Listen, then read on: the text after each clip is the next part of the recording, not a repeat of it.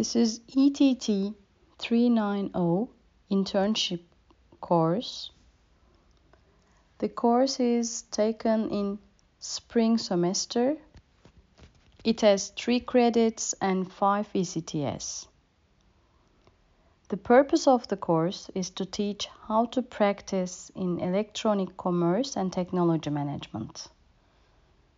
The course includes an actual working with an international or national organization for 30 working days.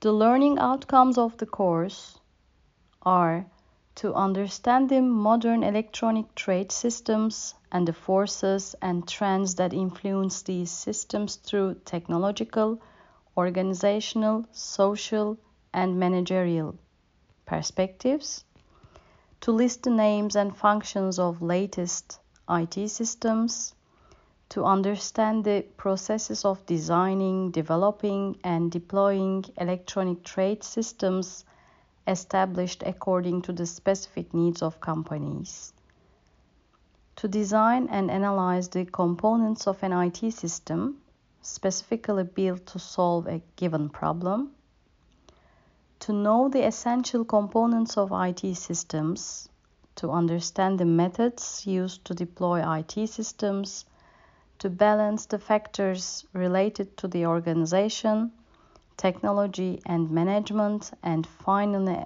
analyze problems, to improve personal interest, and to establish relationship between companies. The course includes orientation training, workplace observation, workplace analysis with SWOT analysis, the approval internship reports by the employer, employees evaluation report, and completion of internship report.